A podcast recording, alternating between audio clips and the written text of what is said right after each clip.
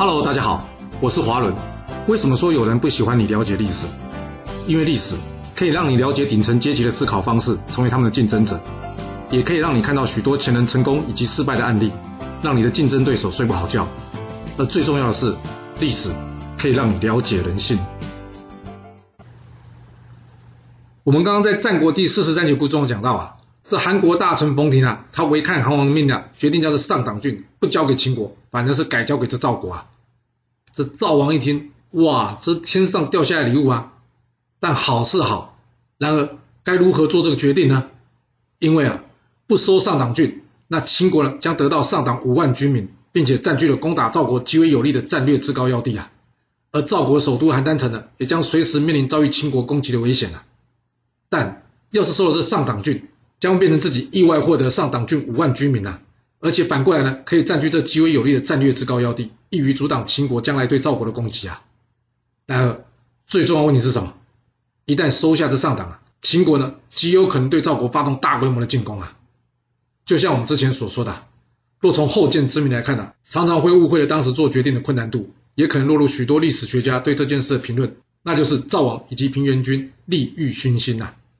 但事实真是这样吗？从之后的邯郸之战来看啊，上党的确提供了秦国进可攻退可守的有利位置，不是吗？要是换作是我，我也会建议要拿下上党郡啊。只是从后见之明角度来看呢，要考虑一，这上党郡是不是要我赵国一国独吞，或是二，要是赵国要自己独吞，一旦秦国攻打过来，赵国要派谁才能守得住？还有将军们觉得能守多久？要是战事发展不顺利，需要多少军需物资？或者说上党失守之后，赵国还能不能抵抗秦国后续的冲击？从一开始来看呢，这赵军启用廉颇，以二十万赵军呢就能抵挡住秦国六十万大军来看呢，上党的确发挥了他重要的战略优势啊。然而很可惜啊，一般人常常很难接受一个观念，那就是没有输，有时候就等于是赢，把输赢变成好像是非题，只有对与错，没有其他答案了。其实，要是你仔细读过《孙子兵法》，就会知道。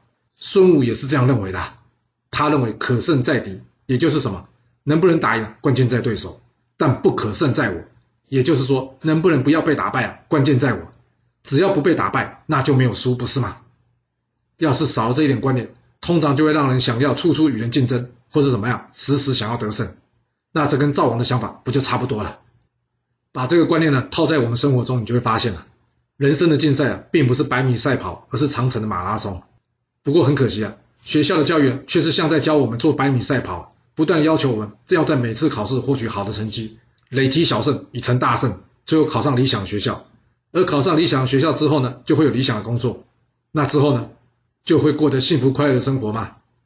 就拿今天赵军的故事来说吧，赵国的目标是要战胜秦军，还是守住上党，击退秦军即可？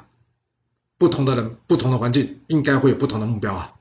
能将成绩考好，当然好。就像能打赢，当然要打赢了，但是哎呀，就是打不赢，或者说就是没办法把书念好呢，那不打书也是一种选择，不是吗？先定有一个目标，再往这个目标需要具备的条件去准备以及前进，听起来是很简单，但做起来却相当不容易啊。毕竟这世上有太多的造网，会影响我们对目标达成啊。要是人生的目标是财富自由，那达到财富自由的方式，除了获得高薪或是稳定的工作这种主动收入的方式之外，透过理财而取得足够的被动收入也是一种方式，这不是不可能的梦想，但却也不是一条容易的道路啊！达到有足够的被动收入之前，通常是有一段很长时间财务规划以及生活自律啊。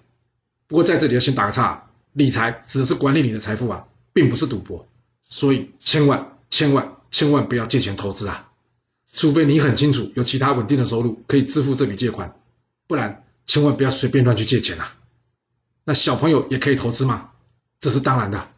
要是可以的话，其实越早越好，因为复利的效果会因为时间而变得巨大。我想要说的是，人生从来不是只有一种选择，不是每件事我们都一定要赢啊。就算一时的考试不如意或是工作不顺利，也不代表已经决定了你一生。您说是吧？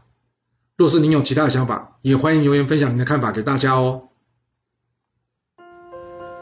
好了，我们今天就先说到这。若是你想要知道完整版的故事内容，欢迎您可以到说明栏中找到我爱故事频道的连结。